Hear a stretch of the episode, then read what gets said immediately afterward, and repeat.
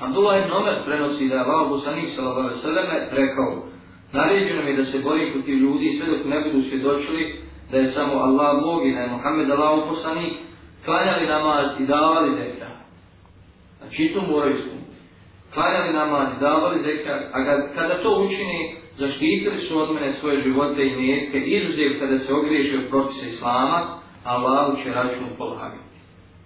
Znači ovdje je poslanik ali Islatu Islam, ovaj hadis pojašnjava ovaj prvi, da je da bi čovjekov život bio sačuvan u islamu, zaštićen, pored šehadeta, potrebno je da obavlja namaz, odnosno da, da ovaj, ne napušta javno namaz i da daje zekat.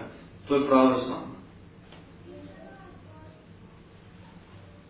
I tada njegova krv, odnosno njegov ljud postaju, postaju zaštićeni.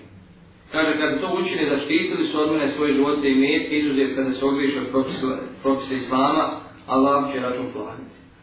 Pitanje koje je izuzetno osjetljivo Islam, pitanje onoga postavlja namaz. Ono je bilo pitanje uvijek osjetljivo i ono vrijeme, prvi generacije danas dan.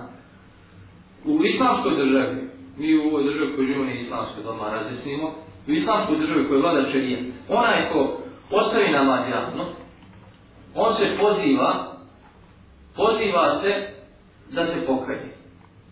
I sad slučajan skažu, poziva se da se pokaje i daje mu se tri dana, i ako e, se vrati vjeri i počne obavljati namaz, slobodan je. Međutim, ako odbije, nam se kaže se, ako ne budeš obavljati namaz, neće da klanjaš, odeti Znači, tvoja krv i tvoj ljud nisu še Tebi je smrtna kazna propisana islamom, A ako se vratiš, ako budeš obavljao namaz, život ti je zaštićen. I kaže on, odabere neće da obavlja namaz. I bude pogubljen. Kaže sam slučenjaci, onaj ko to uradi, poredim se, znači, namaz ili smrt pogubljenja, odabere pogubljenje. Za tako, kaže, ne može se ni zamisliti da je bio musliman. Jer ako imalo ima islama u sebi čovjek, logično je, ako ga šetan okupirao zavao da će on doći sebi, posebno ako mu je smrtna kazna pred očom, pogubljenje, Znači doći sebi, doći svijesti, doći pameti kazati, Allah se kaj vraćam se na masu. Međutim, neprihvatljivo je, znači ne možemo ni zamisliti da onaj ko zabere pogubljenje, kaže, draže mu je da ga ubio, neće da klanja, tako, u takvom, jeli, u njegovom srcu vjerovatno nikada nije ni bilo imana, kao što kaže sam slučajnici. I takav i umri kao umri. Što se tiče muslimana, onaj koji u islamu, ima prisile u islamu, to li da radi se U islamu ima prisile, jer prisile ovo o čemu govorimo. Onaj koji muslimana se mora, znači mora se držati reda. Jer ga islam prisiljava na određenje stvari. Islam propisuje prisilu. Kad ubije nekog, smrtna je kazna, ubija se kad ukrade, sjeđe mu se ruka. Znači u islamu ima prisile, u islamskom šerijatu. A nema prisile da ljude tjera u islam. Tome nema prisile. Zato princip je onaj kuranski ajit la i kraj piti. Nema prisile u vjeru, niko se ne tjera u vjeru. E sad što je, kako je pitanje?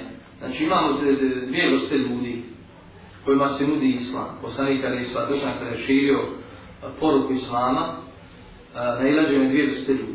Idolopoklonike mušlike koji su Allah širk činili i ehlu kitabije, odnosno sedbenike knjigi i režidove.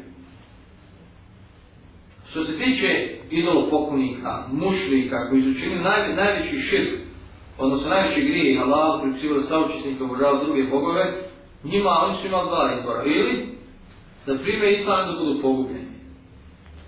A što se tiče, znači tako je bila praksa u istoriji islama poslanika ili islatu pa do neki jel, prvi teže stoljeća slama.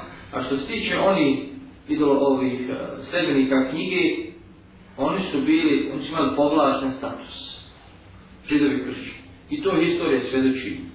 I to se jeli, danas spominje kao, čak i oni spominju kao dobru stranu islama da je njima bilo dato da ili ako hoće da primi islam nisu, nije niko bio teran u islam, ovaj, da prime islam ili da daju džiziju.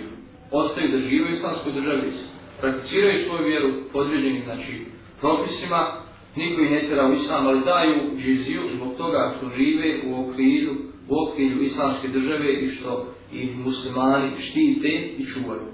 Što i muslimani štite i čuvaju. Zbog toga se džizija, odnosno taj otkup i dao. Jer oni nisu bili obavezni da idu u rat i da brane, jeli, da brane ovaj, islamsku i muslimansku državu.